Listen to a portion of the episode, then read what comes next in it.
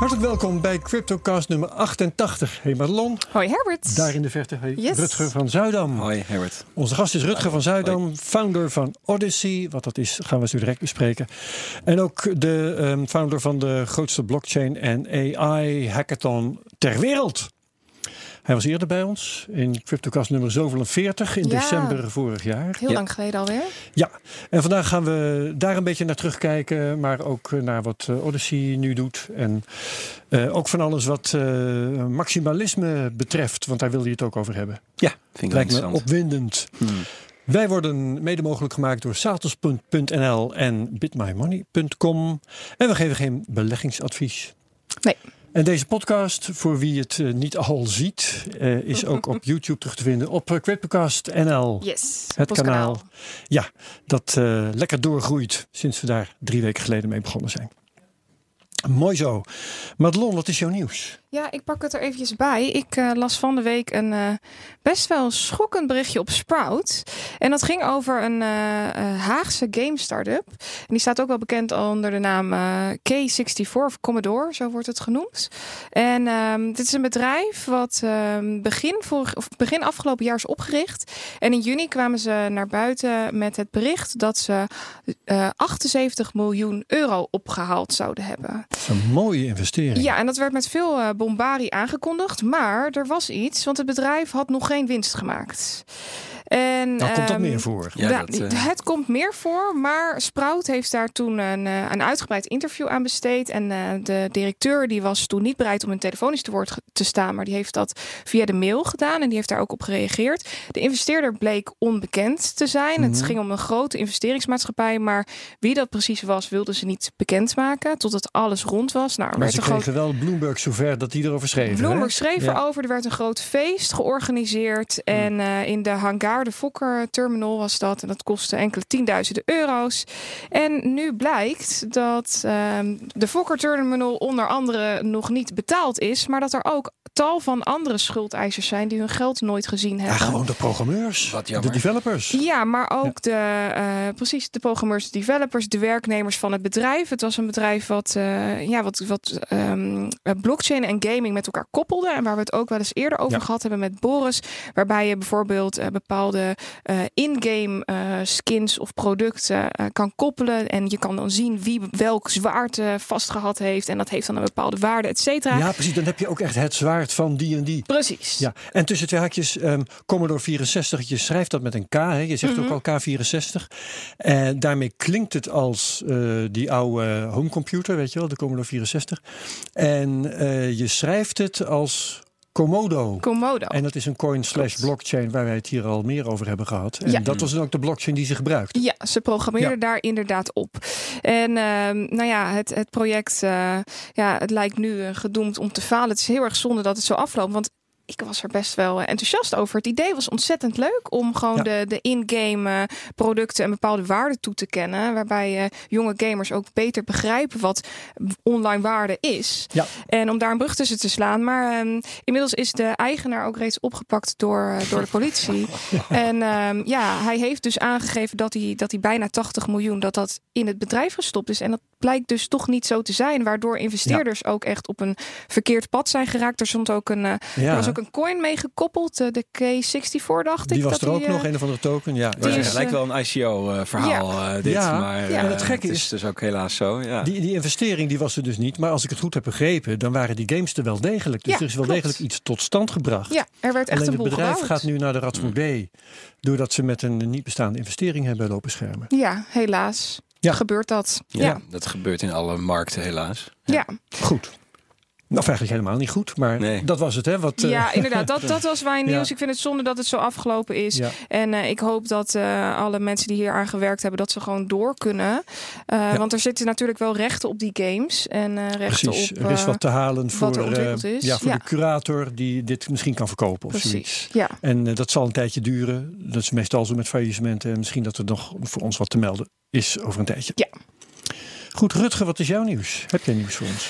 Ja, er is zoveel interessants uh, uh, gebeurd. maar ik vond toch een van de gaafste dingen om te lezen dat uh, um, ja, een, volgens mij een Nederlandse ontwikkelaar een WhatsApp variant op het Lightning Network van Bitcoin heeft ontwikkeld. Klopt. Ehm, en Joost Jager heet hij. Praat en, vooral door, maar ik, ik, vertel je dat hij over twee weken hier zal zitten. Nou, dat is echt helemaal top. Ja. Helemaal top. het laat enerzijds zien dat je dus blockchain voor andere dingen kan gebruiken dan alleen maar geld. Ja. Um, en uh, ik vind het gewoon geweldig. Hè. Aan de ene kant heb je dus, uh, nou laat ik maar even zeggen, ministers die bedenken dat ze de sleutel tot alle berichten willen hebben. En aan de andere kant uh, staat er gewoon een, een, een, een, andere Nederlander op die zegt van, ja mooi niet, dit is het variant. dit is de variant. En, en um, ja, en, en dat dat stemt mij enorm gerust uh, als mens. en, en ik vind het ook gewoon gaaf om te zien dat het werkt. Hè? Dus het is, niet, uh, het is niet een of ander ideetje. Uh, er is ook geen ICO voor nodig, wunderbaar. maar het is gewoon iets wat je kunt bouwen, wat kan draaien op een productieomgeving. Open source. helemaal open source, compleet gedecentraliseerd. het is gewoon iets wat mensen kunnen gaan gebruiken top. Uh, onderdeel van de digitale publieke infrastructuur ja, voor iedereen. Ik ben blij dat je jou geruststelt. Maar wat wij Joost natuurlijk gaan voorleggen, dat is uh, voor een succesvolle app is er meer nodig dan een app. Absoluut. Je moet straks op tegen uh, de neiging van iedereen om alles maar gewoon op WhatsApp te doen. Ja. ja. En er zijn wel meer apps die daar hun tanden op stuk bijten. Natuurlijk, natuurlijk. En, en, en de vraag is ook van hoeveel adoptie wil je hebben van zoiets? Ja. Uh, gebruik je het, of maak je dit voor world domination, om het zo maar te zeggen? Of ja, zou het ook maar gewoon een soort van third layer protocol uh, kunnen zijn, wat gewoon door iedereen gebruikt kan worden om berichten met elkaar uit te wisselen. Uh, dat laatste hoop ik eerder, uh, waardoor je dus helemaal geen concurrentie aangaat, maar iets waardevols toevoegt aan het geheel wat er al is. Ik bedoel, het zal natuurlijk het gros van de mensen ook jeuken of een minister een sleutel heeft tot al, al zijn of haar berichtjes. Ehm, en, en, en daarom heeft het ook zo weinig zin om het te hebben, want het gaat juist om dat de mensen die het nodig hebben, zoiets, ja, dat die het kunnen gebruiken. Ja, ja. Um, ik vind het charmante ervan trouwens, vind ik wel leuk om, om jou nog even voor te leggen, dat het een heel ander principe is om een chat tot stand te brengen dan tot nu toe is gebruikt. WhatsApp, Signal, uh, Messenger, noem ze allemaal maar op. Want elk, uh, als ik uh, Joost goed heb begrepen, is elke, elke communicatie in elk bericht is in feite een lightning betaling. Ja. En je zit dus voortdurend Lightning uh, betalingen, betalingen heen en weer te sturen. Met daar een zinnetje tekst aan gekoppeld. Mm -hmm. En dat vind ik gewoon lachen. Dat, dat, ja. dat iemand op het idee is gekomen om dat te gebruiken voor een chat. Dat, is toch, dat vind ik prachtig. Ja, helemaal top. En dan te bedenken dat er uh, weer een andere groep mensen bezig is met, het, uh, met een satellietnetwerk. wat dus deze Lightning berichten via de ruimte kan communiceren. waardoor je niet eens internet nodig hebt. Ja, dit, dit, er is iets heel interessants aan het ontstaan in uh, dat hele uh, ja, domein zeg maar, van wat je met Lightning uh, zou kunnen bouwen. En um, ja, daar wil ik heel graag meer van, van weten. Dus blijf die bij jullie Oké, aanschuiven. volgende week. Nee, sorry, over twee weken moet je even afstemmen. Super. Yes. Leuk. Ik wil het met jullie hebben, dat zal je misschien verbazen, over de vermogensbelasting. Mm -hmm. Naar aanleiding van het feit dat, dat ik mijn belastingaanslag vorige week binnenkreeg. En ik ga niet mijn belastingaanslag met jullie bespreken, maar ik wil wel even herinneringen ophalen aan die keer, ik weet echt niet meer wanneer het was, dat ik hier een beetje met Boris zat te kibbelen. Ja, we hebben een behoorlijk Over- discussie gehad. Ja, ja, ja, dat was heel grappig.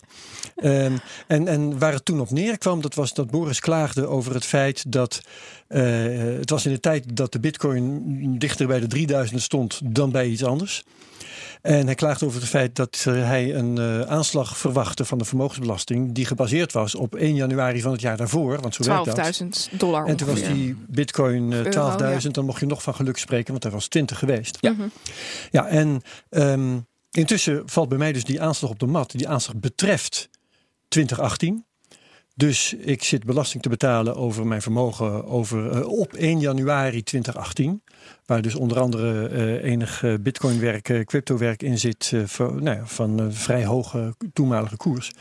Maar in plaats van dat ik nu aan zit te kijken tegen bitcoin koersen van 3000, zit ik aan te kijken tegen bitcoin koersen van boven de 8000. Dus in de eerste plaats valt de schade nu erg mee. Boris, als je luistert. Hij komt binnenkort bij ons langs, hè? Ja, dus eh, dan kunnen we het misschien nog even direct met hem daarover hebben. Maar bovendien, een jaar later, ehm, naar verwachting, zullen we maar even optimistisch zeggen, is het nog veel interessanter. Want dan zit je belasting betaal- te betalen over bitcoins van 3000 dollar. En op dit moment is de koers alweer drie keer zo hoog. Dus eh, wat is er dan nog te klagen over? Dat wilde ik eigenlijk, Het eigenlijk valt dus eigenlijk melden. allemaal reuze. Dat valt allemaal, zei ik toen al, maar eh, ik wou dus even eigenlijk gewoon gelijk halen.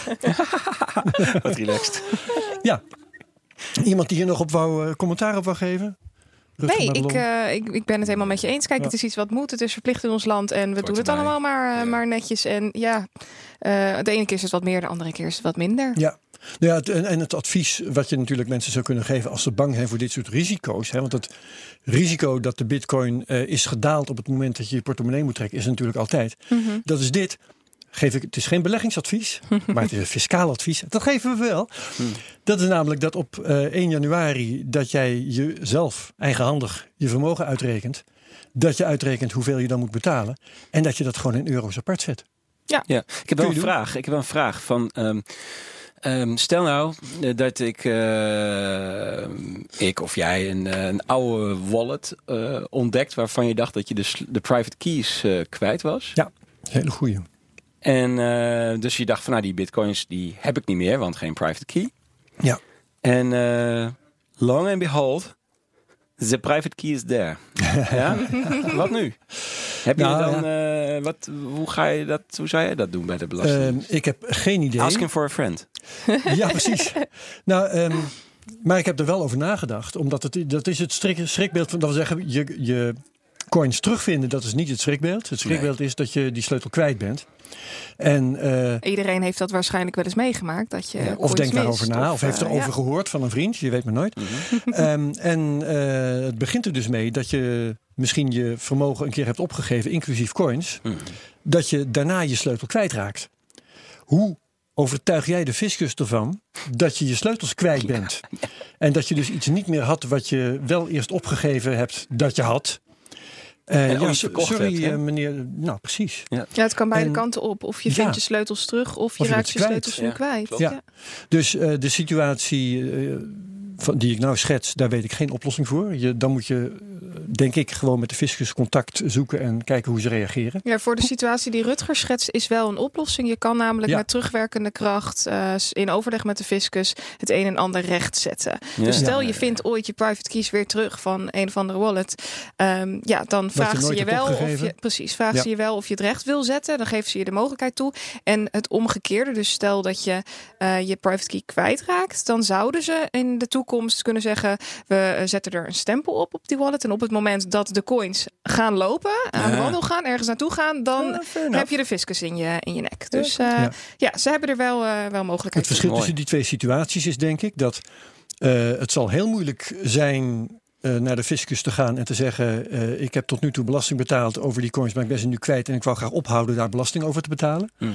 Dat vinden ze niet zo'n geloofwaardige mededeling, denk ik. In elk Mhm. geval eh, is het niet in hun belang om dat te geloven. Het omgekeerde, dat jij zegt van hé, hey, ik heb mijn coins teruggevonden, ik wil er graag belasting over, te, over betalen en graag ook over de afgelopen drie jaar, noem maar wat. Dat zouden ze best eens kunnen geloven. Ja, ja. ja, je kan natuurlijk ook gewoon bewijzen wanneer je dat in die wallet hebt gekregen. Dus op zich, eh, Ja. Fair enough. Ja, dus Cool. nou ja, goed. Eh, mochten mensen daar eh, ervaringen mee hebben, dan horen we dat natuurlijk heel graag. Ja. Interessant. Dat lijkt me heel interessant om te horen. Okido, Madelon de prijzen. Ja, ik heb de grafiek er al bij gepakt, Herbert. En het is gewoon saai. Geen- ja, precies. Dus er is niks te beleven. Super saai. We zitten Ja. gewoon in een keiharde neerwaartse trend. En ja, hij is iets minder eh, Die gelukkig strak. niet vreselijk hard gaat. Nee, het, hij is iets minder zwak dan dat hij geweest is. Dus het- ja, het, het is gewoon ontzettend boring. De koers doet vrij weinig. Ik heb hele kleine candles, wat altijd betekent dat er wel een omslagpunt aan zit te komen. Maar Laag volume bedoel je? Of nee, Eh, eh, ja, laag volume. En, en de, de candlesticks, dus, dus de blokjes Ja. per dag, die zijn relatief smal. Dus dat betekent dat de koers weinig volatiel is Precies. over de dag genomen. En hoe volatieler, hoe meer kans er is dat er wat gaat gebeuren. Ehm, dus wat dat betreft, ja, nu steun rond de 5000 of 8580. Uh, en dat is een mooi steunpunt. En vanuit hier moeten we even verder kijken wat er voor de 20ste gebeurt. Ik verwacht wel een beweging, maar dat zal een procent of 2, 3 zijn. Dat is niet ontzettend fors. Ja. Dus uh, ja, zolang er nog niks gebeurt met die neerwaartse trend, die zich nu tussen de 9000 en de 6800 bevindt, is er uh, niet zo heel veel aan de hand. En moeten we gewoon rustig afwachten. Ja, en het was eind november, geloof ik, hè? wanneer dat allemaal zou moeten gaan uitbreken en aflopen. Even kijken, ik zit nu op 12 december, waarop oh, we okay. iets zouden moeten gaan zien. Ja. Een verlaat Sinterklaas cadeau wordt dat. Yes. Wou ik nog even melden dat het is nu 14 november. Morgen, 15 november, dat is voor sommige mensen als ze dit horen misschien gisteren, dan vindt de eerste Stellar Airdrop ja, plaats. is ook zo. Yes. Dus uh, er is zo'n CryptoCast groep aangemaakt in de app Keybase. Wie die app nog niet heeft, kan hem gaan downloaden. Kun je ook meedoen aan die airdrop trouwens. Uh, en daarin zijn de eerste mensen al die roepen, waar is mijn geld? Mm. Money for nothing. ja, precies. Dus uh, overigens wel grappig. We hebben nog gemeld onlangs dat Steller een grote partij coins had vernietigd. Hè? En de koers heeft daar kort op gereageerd. Maar het is gewoon weer terug op de uitgangssituatie. Mm -hmm. Is nu weer gewoon een cent of zes. Dus het uh, positieve effect van het vernietigen van al die coins is alweer uitgewerkt. Ja. Goed, hoe denk je trouwens over die airdrops, Rutger? Ik hoor je iets sceptisch mompelen. Ach ja, nee, het is gewoon uh, monetary policy uh, in full experimental glory, denk ik. Ja. Dus prima om, of tenminste prima, ja, ik kijk ernaar en... heb je niet aangemeld? Nee, nee, dit, dit, uh, ik, ik, heb, uh, ik besteed, oh, besteed te doen. tijd aan, uh, vind ik zelf. ik, wil, ik kan me ja. ook goed voorstellen als mensen daar wel leuk vinden om daarmee te experimenteren. Ik probeer met andere dingen te experimenteren. Nou ja, het is een soort van helikoptergeldachtig ja. Mechanisme. Ja, zo zou je het kunnen zien. Jij ziet het anders. Nee, uh, oh. maar het is, ja, uh, ja, het is een vorm van monetair uh, beleid ja. wat ze doen. Het, het, het geeft ook wel weer aan ja, in welke mate dit soort netwerken gecentraliseerd opereren. Mm, absoluut. En geeft tegelijkertijd ook dan dus in mijn ogen de fragiliteit van, ja. van, van zo'n netwerk aan. Het zou mij niet aanspreken, zeg maar. Ik wou dus, net zeggen, het klinkt of, je, of het je eigenlijk totaal niet interesseert. Nee. Nee. Goed zo, mooi. Sorry. Gaan snel door. nee, ja, nee, dat is, uh, dat is ja. ja. Um, andere dingen interesseren jou wel, uh, blockchain toepassingen.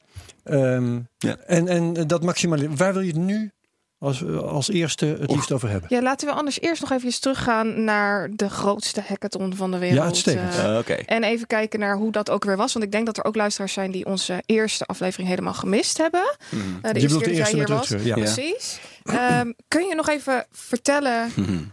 wat jij hebt bewerkstelligd op dat, uh, op dat nou, vlak? Kijk, Odyssey is een, uh, een programma dat loopt van september tot en met uh, juni. En in april uh, is als onderdeel op dat programma uh, uh, een, een epische hackathon.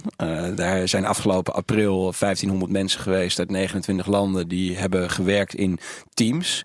we hebben uit heel veel aanmeldingen 100 teams geselecteerd.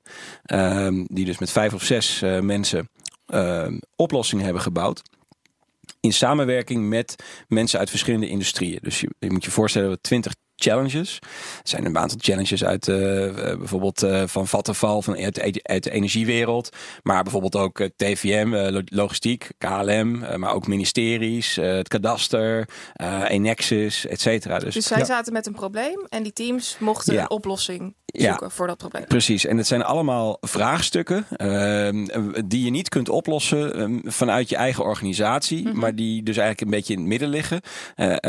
die je dus eigenlijk alleen maar kunt oplossen als partijen met elkaar samenwerken en iets bijdragen, uh, waardoor je de situatie verbetert. Um, dus als het gaat over uh, nou, bijvoorbeeld een oplossing wat uit, uh, uit de energietrack is gekomen. Uh, Vattenfall heeft als missie fossil eigenaar free. van Nuon, hè? ja, precies, eigenaar van Nuon, maar ja, groot Europees energiebedrijf, Zweeds. En die een van de challenges was ehm, hoe kun je batterijauto's onderdeel laten worden van het grid. Zodat ze uh, piekproductie kunnen opvangen. En dan met liefst natuurlijk piekproductie van zon en wind. Mm -hmm. Maar ook bij peak demand, zeg maar, bij vraag, uh, weer terug kunnen leveren. Nou, wat interessant is, is dat de consument of de eigenaar van de auto in beide gevallen een premium krijgt. Uh, van degene die erin stopt of er weer uit moet halen. Dus uh, de vraag ja. is: wat is de return on investment die jouw auto gaat maken? Nou, dan is het heel vrij eenvoudig. Die auto die moet zelf transacties gaan doen, energie toelaten en verkopen. Ehm, dus ja, je wilt een machine zelfstandig, daar wil je niet tussen zitten natuurlijk, transacties laten doen. En je, eh, dus blockchain, transacties. En, uh, en aan de andere kant wil je een AI hebben die dus uitrekent voor jou aan de hand van weersvoorspellingen, jouw rijgedrag, agenda, et cetera. Hoeveel batterijruimte ga ik overhouden om de maximale return on investment te krijgen? Uh, zowel als ik uh, absorbeer als dat ik teruglever aan het grid. En je zegt die auto, maar het kan natuurlijk ook een of ander verdeelstation zijn. Het kan ook je mobiele telefoon zijn. Tussen jouw zonnepanelen en je auto en het lichtnet staat. Um, hoe bedoel je precies? Nou, um, wat er moet gebeuren, dat is dat um, die auto um, energie opslaat als daar te veel van is. Ja. Het zij in jouw zonnepanelen, het zij in het lichtnet, want dat kan natuurlijk ook van uh, een paar straten verderop ja, komen. Um, en uh, die moet ook gaan beslissen wanneer er uit die uh, batterij iets wordt gehaald. Precies. Bijvoorbeeld omdat in huis jouw diepvriezer aangaat. Dus het is een, een, een verdeelprobleem. En het is, je kunt zeggen, die auto doet dat. Is mij goed hoor, maar het is, ik verwacht eigenlijk meer dat er een of ander station in jouw huis aanwezig is of misschien zelfs wel bij Vattenfall of wie dan ook, uh, dat het allemaal bestuurt. Dat zou kunnen. Uh, in, in, in, in, dit geval, uh, wat, wat denk ik de energiewereld goed doorheeft, is dat het grid enorm aan het decentraliseren is in ja. alle opzichten. En dat het veel verder gaat dan de meter. Ehm, dus dat betekent dat uiteindelijk ga je naar een, een, een realiteit. over hoeveel jaar dat, dat, dat is, weten we niet precies. Maar je gaat naar een realiteit dat als jij je mobiel inplugt in een hotel, dat die gebruik gaat maken van jouw energiecontract en niet van die van het hotel. Hmm. Dus, ja. uh, want als je decentralisatie doortrekt, dus dan wil je die intelligentie wel in die, uh, in die auto hebben. Wat het mooie is, wat eruit komt, in dit geval heeft het team van Porsche Digital Lab uh, de challenge gewonnen. Die zit in Berlijn. Maar dat zo'n oplossing in principe gebruikt kan worden door alle automotive bedrijven en alle energiebedrijven. Dus het gaat er niet om van, oh ja, we hebben nu een oplossing en dat gaan wij gebruiken, want wij hebben het bedacht en we gaan het eens even uitventen. Nee, de hele gedachte, en daar ging vorig jaar over, is dat we samen werken aan uh, de opkomst eigenlijk van de volgende generatie van het internet. Daarmee zeg die, je dat, dat zo'n oplossing geopen sourced is. Helemaal open source. Ja. Uh, en, dat, en, dat, en dat zal wel moeten, omdat het gaat over adoptie. En het werkt alleen maar als iedereen hetzelfde protocol eigenlijk, uh, dezelfde tussenoplossing gebruikt. Ja. Mhm. En ja, daar eigenaar van zijn, werkt eigenlijk alleen maar tegen. Nou, en, en, en, en dat zie je ook bij het, zeg maar, het, het nou, best wel agressieve model van bijvoorbeeld een, een, een, een, een Uber. En die dus echt de, de, de infrastructuur wil hebben. Uh, waar de informatie overheen uh, gaat. Waar vraag en aanbod bij elkaar uh, komt. Waar eigenlijk, ja, je zou zeggen van nou ja, wat nou als Uber een protocol zou zijn? Zou het dan niet beter werken? Wat nou als Amazon een protocol zou zijn? Nou ja, dat hangt dat... een beetje vanaf hoe het ontstaat. In het geval van Uber, Amazon en een paar andere partijen. Facebook, ga zo maar door. Een bedrijf uh, heeft soms al vroeg in zijn bestaan kans om monopolist te worden. Ja, natuurlijk. Ja. En dan worden ze dat liever wel dan niet. Nou, dat, dat was ja. toen, eh, denk ik. Maar ik denk dat daar dus nu een verandering in, in, is gekomen. In ieder geval in, in de community of in het netwerk of het ecosysteem, hoe je het wil noemen. Wat Odyssey betreft. De start-ups die daarin opereren, scale-ups, maar ook uh, corporates die daarin betrokken zijn, overheidsorganisaties, zijn zich heel erg bewust ervan dat um, uh, in, in dit geval voor deze vraagstukken uh, monopolieposities absoluut zijn uitgesloten. En dat, okay. dat is een van de verdiensten, denk ik, van, van, van wat we vorig jaar hebben gedaan uh, met elkaar. Eigenlijk in alle challenges. Dat alles eigenlijk by default open source was. Beschikbaar was voor zowel uh, klanten, maar ook voor concurrenten, leveranciers. Dus het is eigenlijk heel erg kijken van hoe kun je uh, ketens en, en industrieën en niet alleen met elkaar verbinden, maar ook met aanpalende spelers. Die ja, eigenlijk waarvan je nog niet weet wanneer ze een rol uh, moeten spelen, maar ze dat Ja. wel, daar wel toe in staat stellen.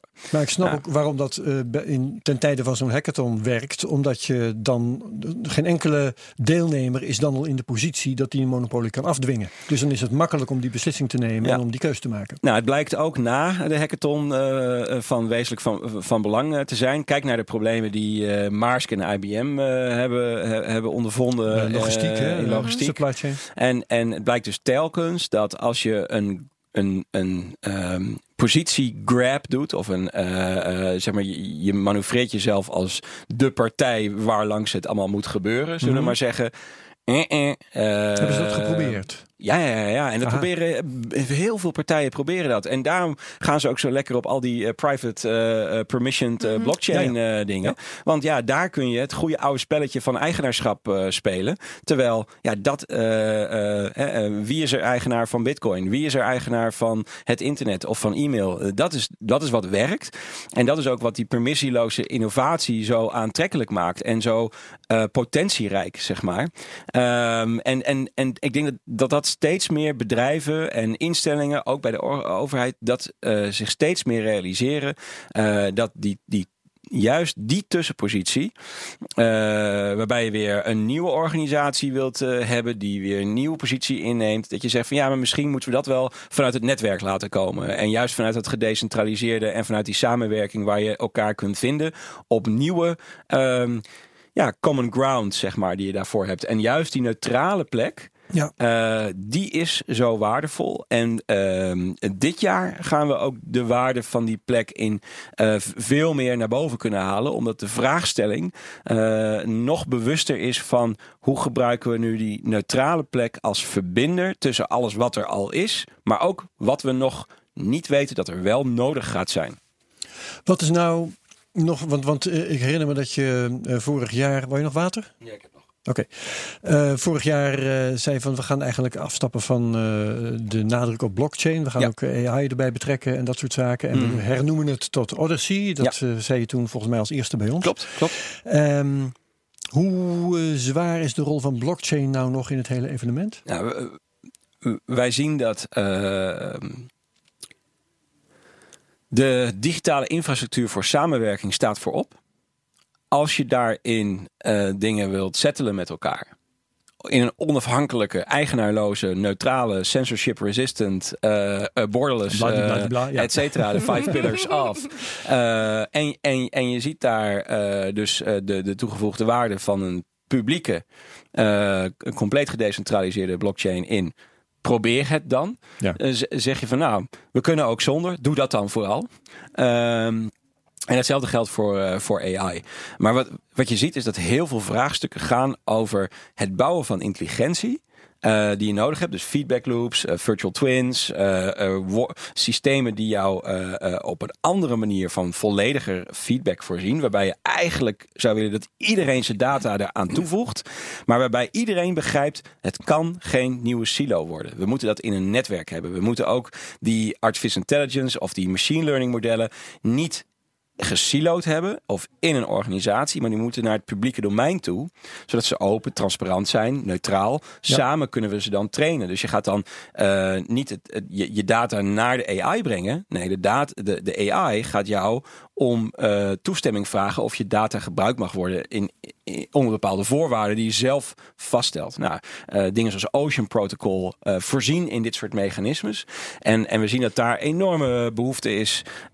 of het nou gaat over het voorkomen van conflicten um, of betere natuurbescherming. We hebben een, een, een challenge dit jaar met. Klinkt actueel. Ja, uh, betere uh, bescherming van de internationale wateren of de, de, de stukken van de zee waar niemand eigenaar van is. Um, nou, en, maar ook bijvoorbeeld in de, de zorg, acute zorg, de kun, energiemarkt. Kun je, daar zien we het allemaal terug, deze behoefte. Kun je uit het verleden, want het, het, loopt nu al een paar, hoeveel jaar loopt het eigenlijk al? Dit wordt het vierde jaar. Tel kwijt. Um, kun je al toepassingen noemen die echt succes hebben gehad, die gewoon de markt hebben bereikt en werken? Nou, we zien wel een aantal dingen die, uh, die operationeel zijn. Uh, er is een heel mooi project in, in Groningen met de nummer vier, geloof ik, uit, uit het track in, van het UMCG, Universitair Medisch Centrum Groningen. waarbij echt een thuiszorgnetwerk zichzelf organiseert en via versleuteling gegevens met elkaar uitwisselt. Is dat dan blockchain-based? Of? Ja, uh, en ik denk dat ze gewoon nog steeds aan het experimenteren hebben. Recentelijk een, uh, een heel uitgebreid artikel daarover gepubliceerd. En het, is, mhm. het, blijft natuurlijk uh, experimenteren van ja, waar heeft dat zin en, en, en waar niet. Maar daar zie je dat het voorziet in het samenwerken in een community of met meerdere organisaties. er is ook een oplossing van vorig jaar waar, ik, waar ik nog niks over, heel weinig over mag zeggen. Maar Die hebben net echt een, die hebben net echt een, een, een, een, een, uh, ja, uh, een miljoenendeal getekend. Uh, een internationale deal. En dat, ja, dat, dat zijn hele, hele mooie dingen.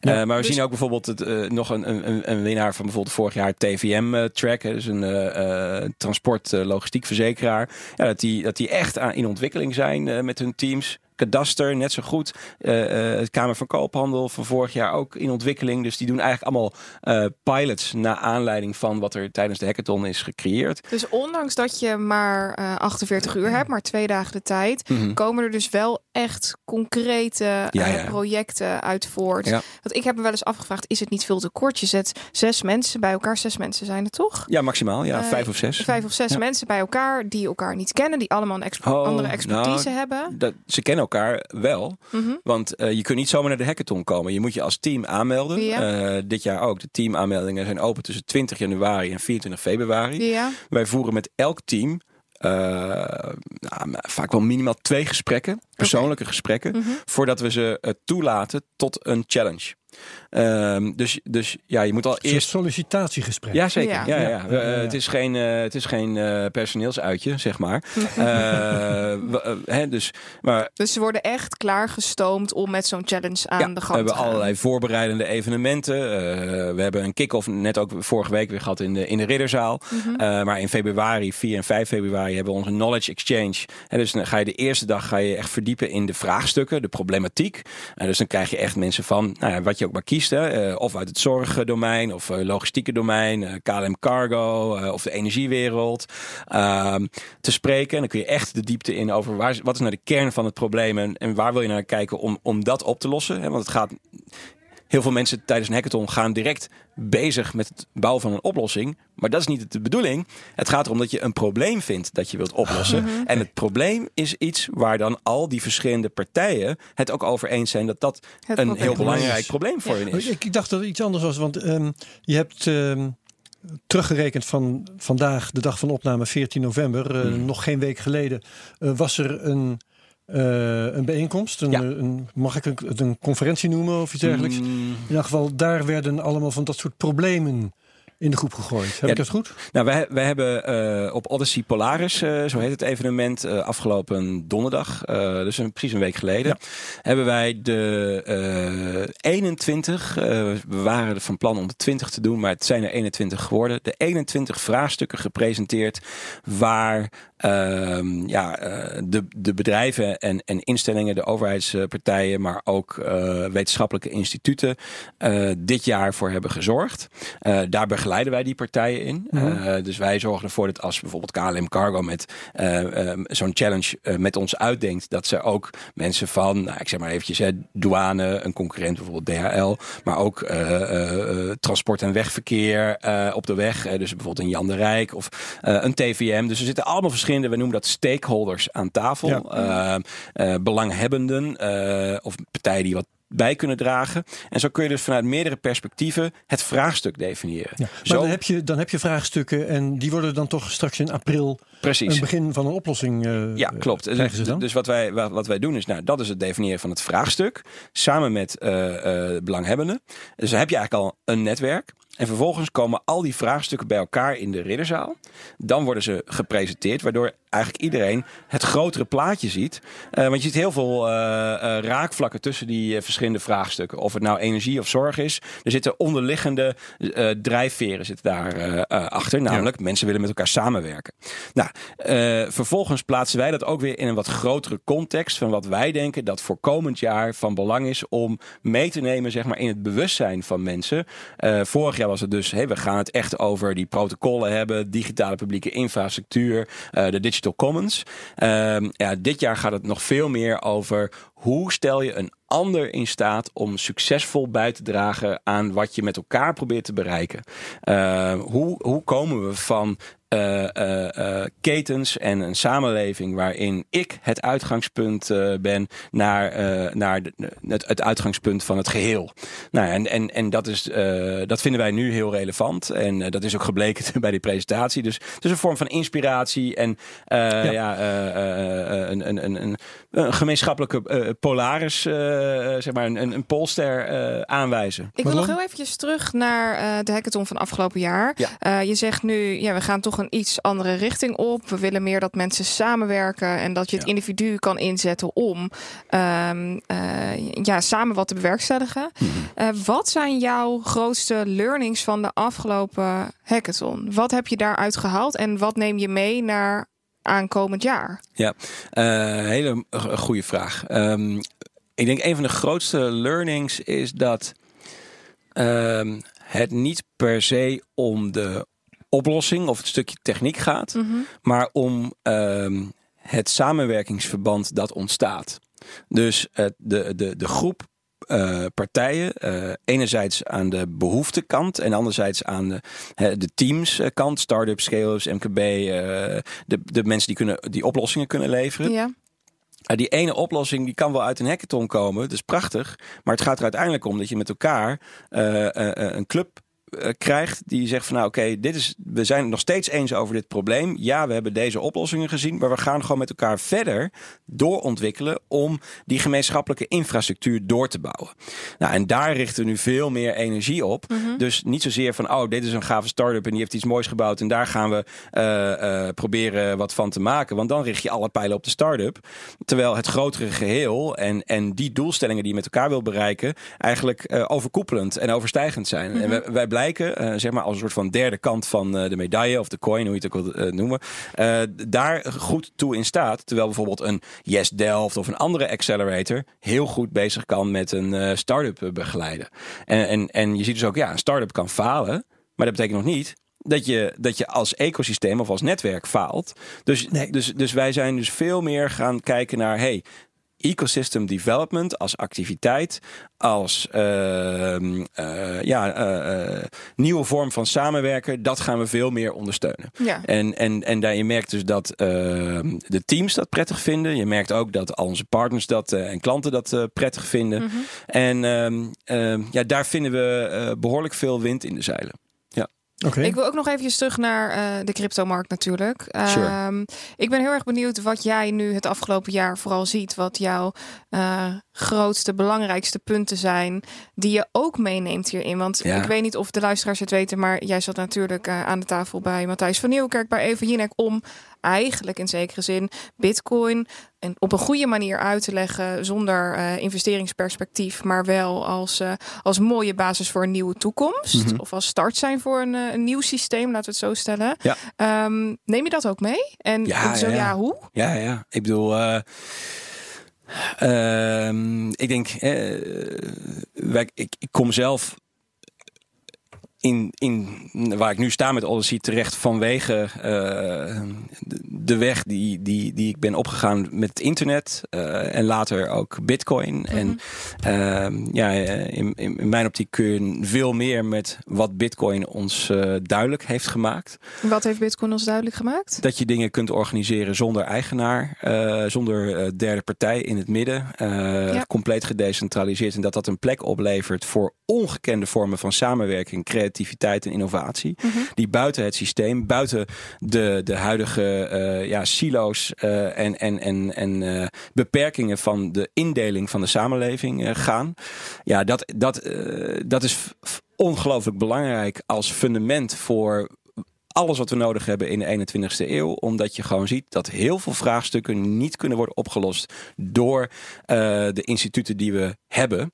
En dat is helemaal niet erg. Dat doet niks af aan de kwaliteit of aan de goede bedoelingen van die instituten. De wereld is gewoon zodanig complex geworden. En de vraagstukken zijn zodanig complex geworden.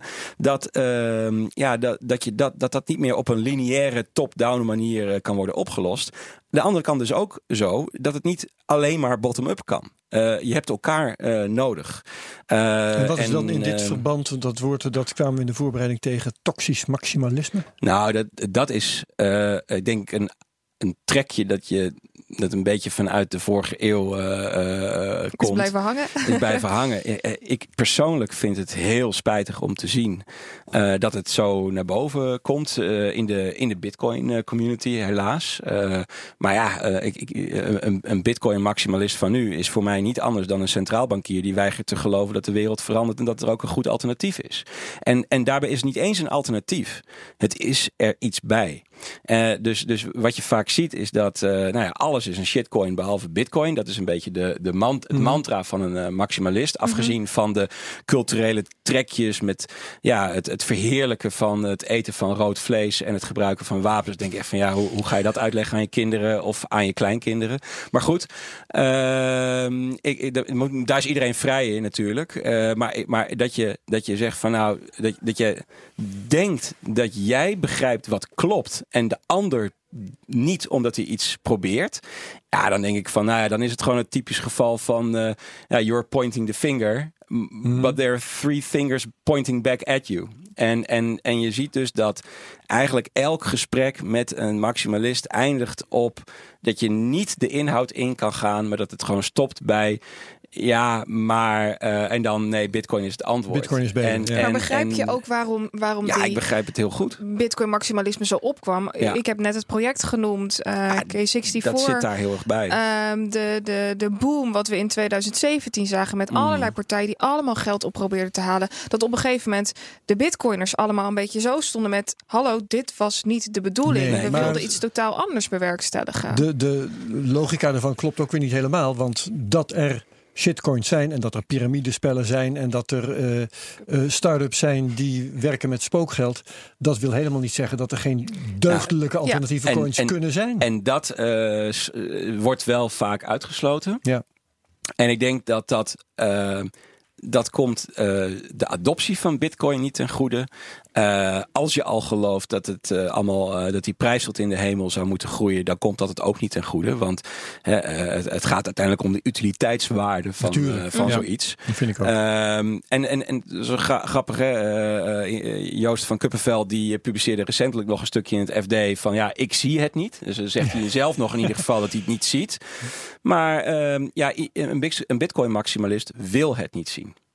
Uh, en dat vind ik heel jammer. Wat wil die dan niet ehm, zien? Dat er, dat er dingen kunnen zijn met een gedecentraliseerde aard, neutraal, zonder eigenaar, uh, die een blockchain gebruiken, die voor andere dingen geschikt zou kunnen zijn dan waar Bitcoin op dat moment geschikt voor is. En dus een toevoeging. En wat je dus ook vaak ziet, is dat men het heel vaak als concurrerend ziet. Mm En dan denk ik van ja, maar dat is het niet, zo is het niet bedoeld. En, en uh, goh, hoe zou het zijn als je na zou kunnen denken over hoe dingen elkaar zouden kunnen versterken. Mm. vanuit wat je daadwerkelijk zou willen bereiken. Maar Rutger, heel eerlijk, het is wel ontzettend ambitieus. Als we, kijken, nou, als we kijken naar wat jij net zei, net gaf je aan. Uh, ja, we zagen dat heel veel bedrijven, heel veel partijen het liefst zo centraal mogelijk, het liefst met een gesloten blockchain zelf, met hun eigen. Um, uh, toegang aan de gang gingen. Je, je gaf het net zelf aan. Wat zouden in voorkomende gevallen daar nog tegen zijn? Nou ja, kijk. Uh, dat kan ook soms een oplossing zijn, toch? Dat snap ik. In sommige gevallen wel, want je zei net ook al: alle bedrijven willen het liefst zo groot mogelijk worden. Uh, dat is iets wat in onze aard zit. Dat weet ik niet. Het zit denk ik wel in de huidige cultuur of mhm. in het huidige economische cultuur. Moet daar dan juist een omslag in eh, komen? In het zero-sum denken. Uh, van ja, en we hebben ook een zero-sum game. Hè? Uh, als ik euro's heb, dan heb jij ze niet. Dus het is een zero-sum game. Ja. Maar ik denk dat de 21ste eeuw iets anders nodig heeft. Dus ik denk dat, dat, dat we veel uh, een, een, beetje dieper moeten graven dan ja, het antwoord is nieuwe technologie of een nieuwe wet of een nieuw beleid of mm whatever. Nee, uh, wat voor toekomst zijn we aan het bouwen met elkaar en uh, welke toegevoegde waarde speelt dan wel een, een bitcoin of jij als bedrijf daarin. en ehm, ja, dus, dus, dus ik denk dat daar wel een verschuiving in aan het optreden is. En ja, heel veel bedrijven beginnen wel ehm, met een private blockchain-achtige ding of een soort van database plus dingetje wat eh, anders gebrand is. Maar komen er dan al heel snel achter dat dat niet werkt. Goh, nou, en dan gaan ze dus, als ze een beetje slim zijn, niet de handdoek in de ring gooien, maar verder kijken met wat ze geleerd hebben. En long and behold komen ze dus uit bij open uh, ecosystemen. Mhm. En ehm, ja, dat is een weg die, die, die, die uh, moet worden afgelegd. Dus ik denk ook echt dat die, nou, over, over een tijdje zullen we dat, dat, dat maximalisme een stuk minder zien. Omdat je dus voorbeelden gaat zien waarin mensen dus een beetje verder hebben gekeken dan hun eigen neus lang was. En gekeken van, goh, als ik nou dit is met Ocean Protocol oplos en ik doe dat in dat deeltje in, met Ethereum en ik gebruik Bitcoin en Lightning daarvoor. En uh, dat brengt samen. Er is iets samengekomen. En oh, trouwens, daar ben ik geen eigenaar van. Is helemaal open source en doe er lekker mee wat je wil.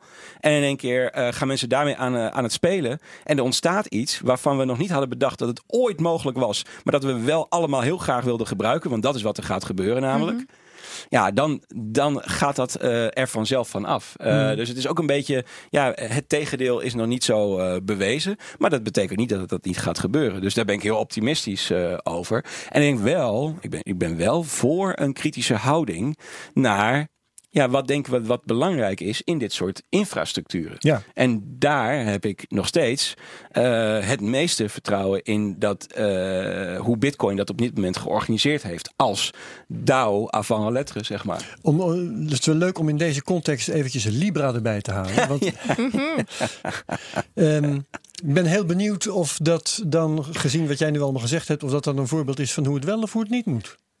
Nou, wat denk je? Nou, ik denk dat het allebei kan. Want het is, uh, aan de ene kant is het een cryptocurrency waar de centrale banken vreselijk zenuwachtig van worden. Aan de andere kant is het een volkomen gecentraliseerd fenomeen. Ja, het is gewoon een kartel, punt. Ja, dat weet okay. iedereen. Dus Makkelijk. Het, het, is niet eens, het, ze, ze verhullen het niet eens.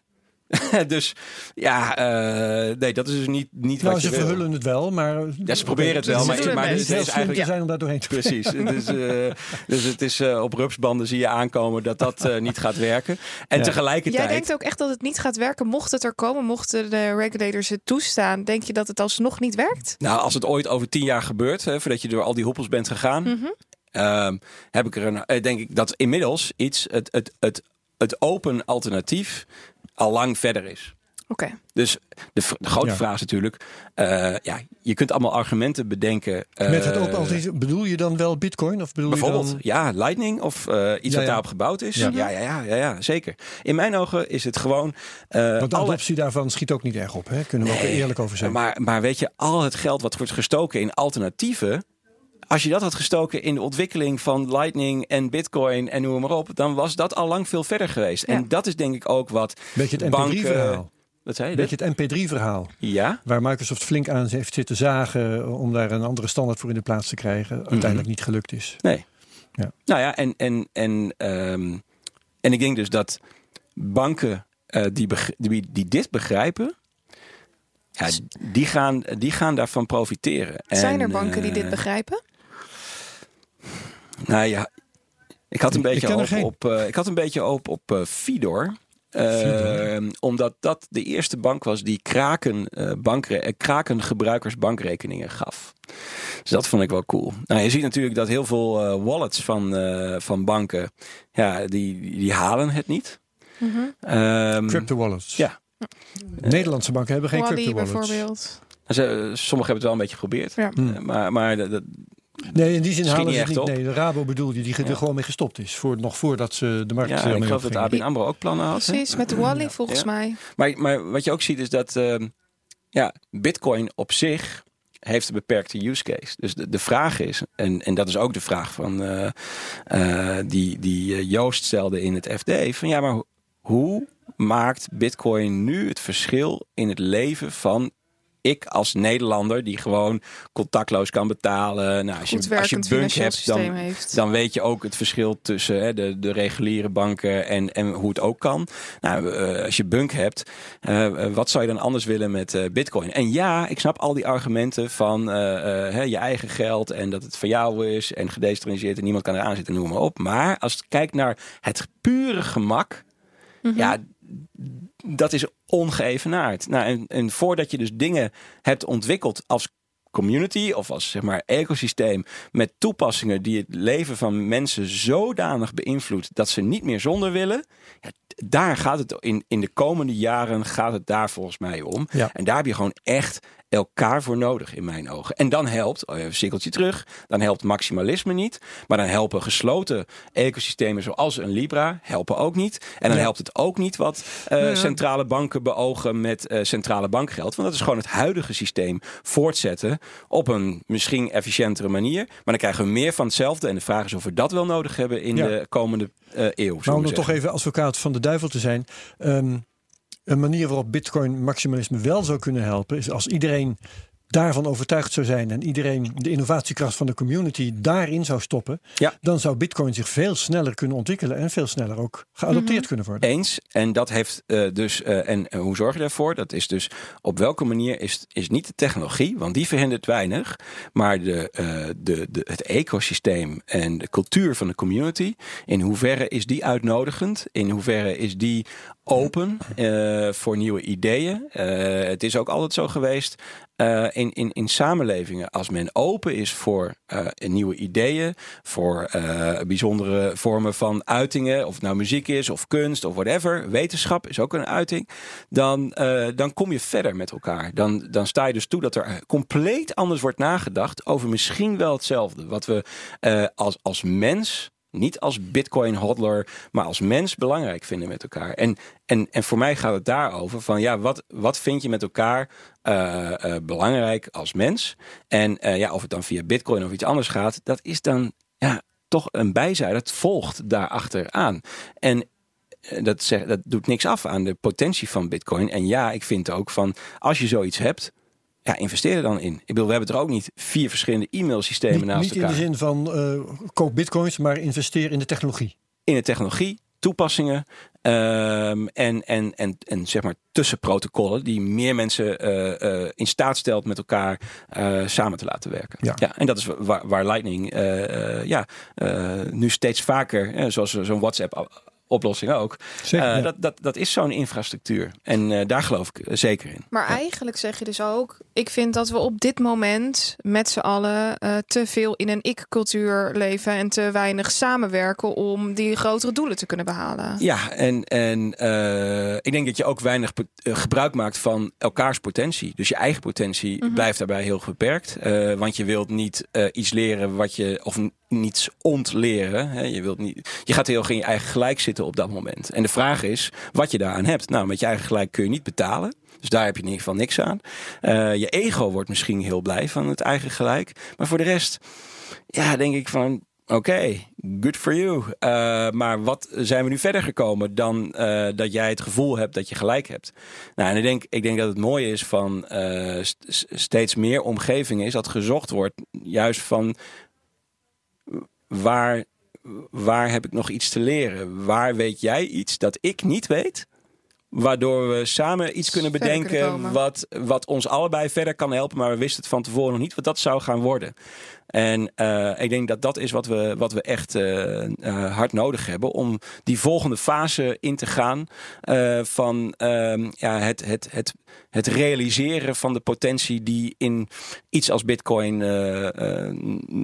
nog tot uiting moet komen. Hoe ziet die fase er voor jou uit als we kijken naar de hackathon en ja, het aankomend half jaar? Wat zou je willen realiseren? Ehm, als je kijkt naar wat komt er uit de hackathon, uit het innovatieprogramma eh, Odyssey, dan eh, zijn dat een aantal zaken.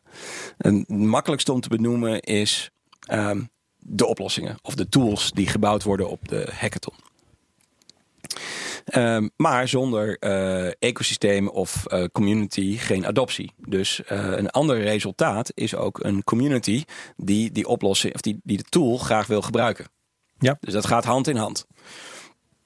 Vervolgens ontstaat er ook een compleet nieuw uh, verhaal, uh, in uh, tegenwoordig hippe termen een narratief, over een nieuw level van samenwerking wat je kunt bewerkstelligen. zelfs door samen te werken met je concurrenten. niet in een kartel, maar in een, in een situatie waarin je zegt van ja, dit probleem moeten we gewoon echt met elkaar oplossen. En, en, en ehm, ja, dat kan zijn het bestrijden van nepproducten in de keten, dankjewel.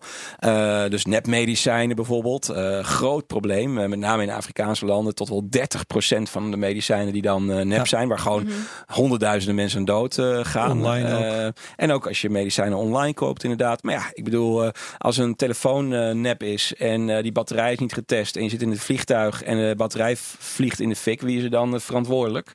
Nou, succes, weet je wel. Dus ja, het is heel interessant dat als je in die vraagstukken duikt en wat er dan eigenlijk achter zit, zit gewoon een complete wereld achter waarvan je denkt van jemig, ik wist niet dat dit probleem zo van invloed kon zijn op mijn leven.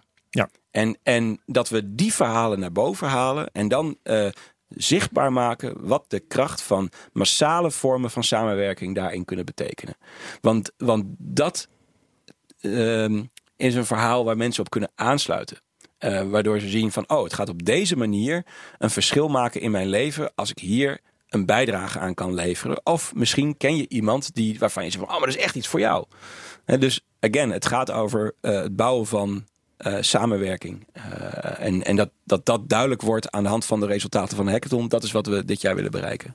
Oké. Ja, wat ik nog eh, wilde weten, want um, we waren net een uh, aantal minuten bezig over uh, specifiek over Bitcoin, hè, over cryptocurrencies. Ja. Uh, dat verhaal dat je vertelde was minstens even hartstochtelijk als, als wat je verder vertelt ja. over, over de dingen die je via Odyssey ontwikkelt. Maar ben jij daar met die cryptocurrencies ook nog actief bezig? Of was dat puur een verhaal dat jij vertelt als volger van de ontwikkelingen? Nou, ik, ik denk wel dat cryptocurrencies een hele grote rol spelen in die infrastructuren die wij aan het bouwen zijn. Mm -hmm. Omdat ik denk dat onafhankelijk geld. Uh, ik dacht dat het verhaal daarachter altijd was: van je crypto is, is leuk als toepassing, maar wij gaan nu blockchain toepassingen bedenken. We gaan nee, de technologie daarachter op een andere manier gebruiken. Nou, wat, wat, wat ik eigenlijk heb, uh, altijd uh, heb gezegd en geschreven is van ja, blockchain is, is, is, kan, zie ik een beetje als.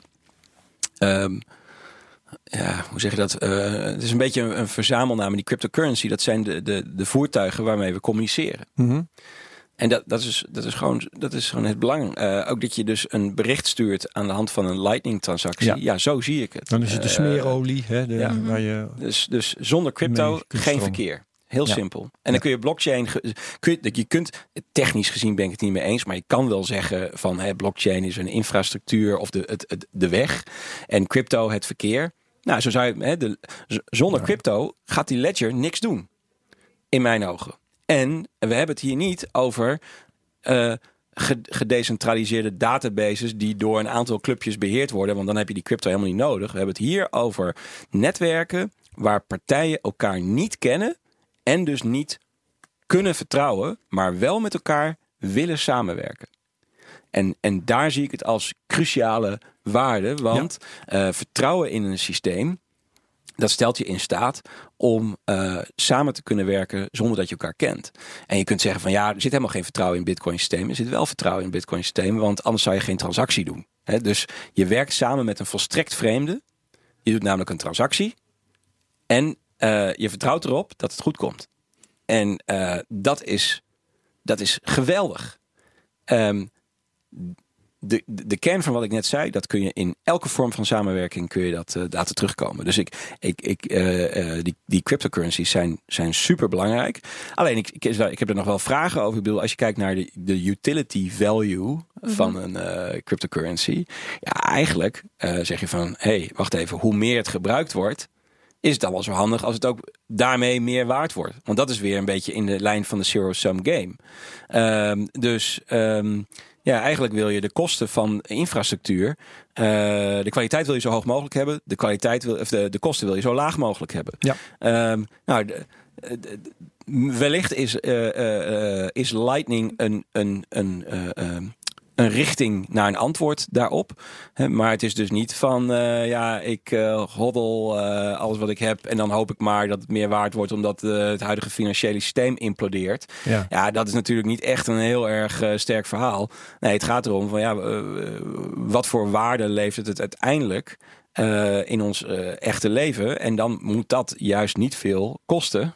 Net zoals bijvoorbeeld e-mail. Ja, dat daar betaal je ook niet voor, die infrastructuur. Dus, dat, uh, dus Lightning zou daarin een mogelijke oplossing kunnen zijn? Uh, een route daar naartoe. Eigenlijk geef je nu een indirect antwoord op de vraag die uh, Joost in het FD stelde: van wie kan me in vredesnaam uitleggen wat de toepassing is van Bitcoin? Los van dat het hele systeem in elkaar ploft. Ja, nou, en ik vind wel, kijk, de, de innovatiekracht van de financiële sector die, uh, als je dat bekijkt vanuit klantperspectief, mm -hmm. ja, die dat, dat, vind ik niet bepaald sterk. Um, uh, en, en het mooie van uh, iets als Bitcoin is dat het dus ja, die, die, die, die, die permissieloze innovatie mogelijk maakt, waardoor denk, mensen dingen bedenken die je niet voor mogelijk had gehouden, die wel kun, gerealiseerd kunnen worden, omdat je geen toestemming hoeft te vragen. Ja. En, en ik denk dat, dat dat ook iets is wat wel nodig is. ook ook om uit die zero-sum uh, wereld uh, te komen. Uh, en, en daar zit het daar zit het huidige financiële systeem natuurlijk wel een beetje in gevangen.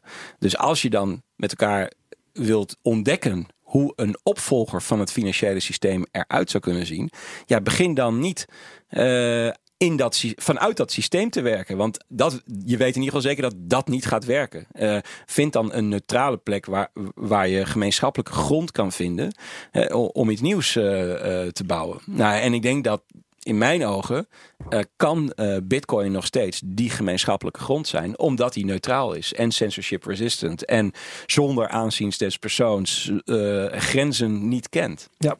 Ja. Dus- uh, we hebben het uur vol. Heb jij nog een belangrijke vraag over Madelon? Um, even kijken. Nee, ik heb denk ik al mijn vragen beantwoord. Ik ben nog wel heel erg benieuwd. Uh, één ding als laatste.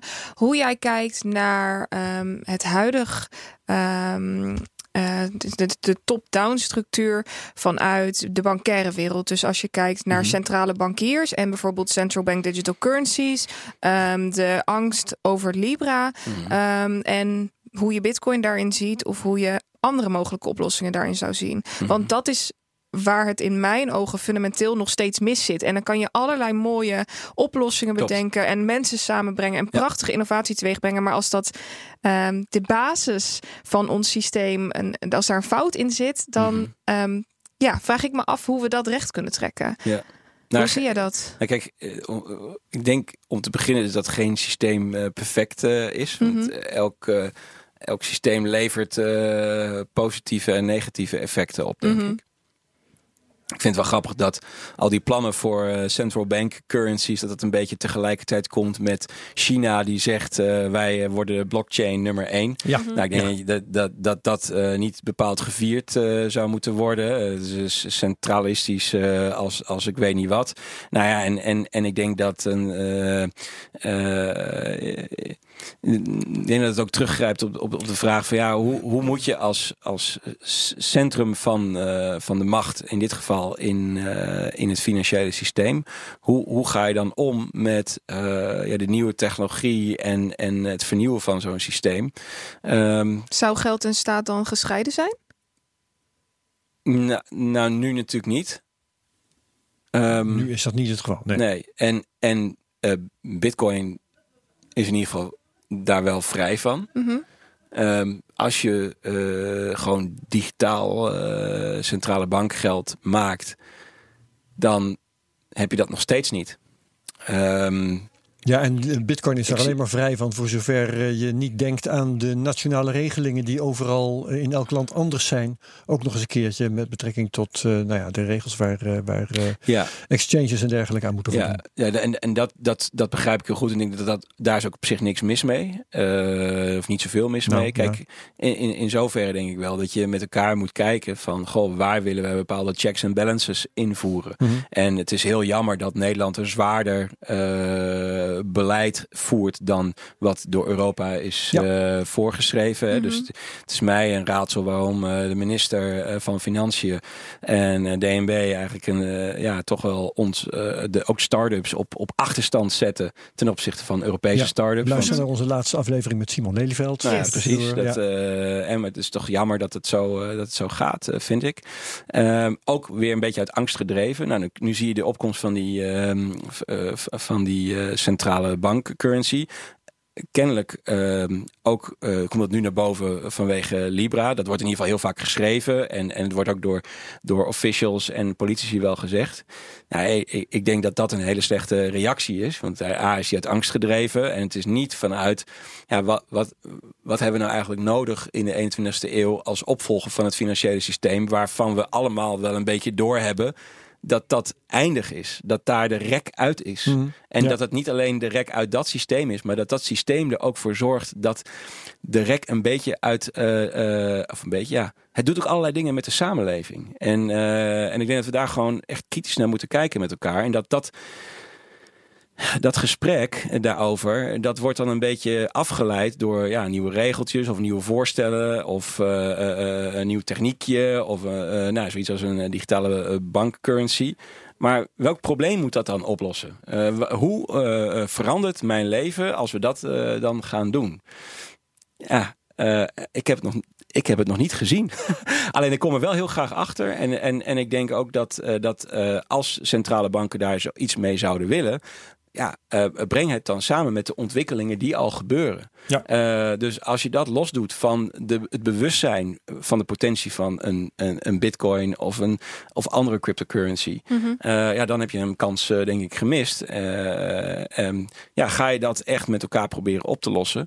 eh, ja, dan, dan zit daar allerlei potentie in. Eh, maar ja, ik ben heel benieuwd of en hoe dat bij elkaar kan komen. Ik ben heel blij met met eh, het, het partnership wat wij hebben met de Nederlandse Bank en de AFM als regulatory partner in de hackathon. Omdat daar enorm veel kennisuitwisseling plaatsvindt over wat is de behoefte van bedrijfsleven, overheid, gebruikers, teams, start-ups en, en dergelijke. En anderzijds van ja, wat kunnen die leren van eh, de manier waarop het beleid eh, en de regels worden vormgegeven in Nederland. Want de andere kant is ook waar. Ik zei natuurlijk van ja, we staan een beetje op achterstand, misschien eh, als start-ups. Maar je kunt het ook als, als kans zien.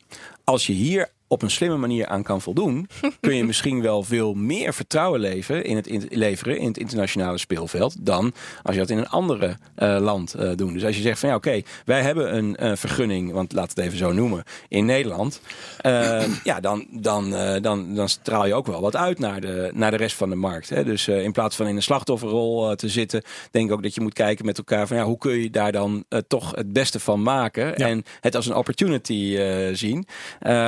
Ehm, eh, en, en ik denk dat dat. ehm, ja, dat lijkt me, Dan kunnen we ook beter met elkaar kijken van. eh, hey, hoe kunnen we daar het beste van maken? Dat lijkt me wel mooi. To be continued. Ja. Dus. Daar eh, gaan we onze bijdrage aan leveren als CryptoCast. Dankjewel zeker. Rutger van Zuidam. Graag gedaan, jullie bedankt. Ehm, zet die van de volgende week alvast in je agenda. Want dan hebben we, ja, we weten nog niet eens Nee. wie, maar we hebben wel twee hele goede We kandidaten. hebben twee fantastische kandidaten. Ehm, we hopen op David Chong. Zegt dat je wat? Ja, ja. Eh, hij is ons, om zo te zeggen, aangeboden. Alleen toen we ja zeiden, toen werd het opeens een stuk ingewikkelder. En we weten nog altijd niet zeker of hij komt, ja of nee. Ehm, dat merken we dan wel. Eh, reserve staat Krijn Soeterman, die eh, sowieso komt. Ja. Alleen hij komt volgende week als eh John niet komt. En Yes. anders komt hij een andere keer. Ja. Dat staat ook al vast. Krijn Soeterman heeft eh, eh, geschreven, wat was het? Bitcoin voor Dummies was het geloof ik. Of was het cryptocurrency? Eh, Nou heb ik het. Eén van de twee boeken heeft hij geschreven. En hij weet scherm. ontzettend veel over de nieuwe. Cryptovaluta voor Ja, dummies precies, was het. Neem me niet kwalijk, Krijn. Ja.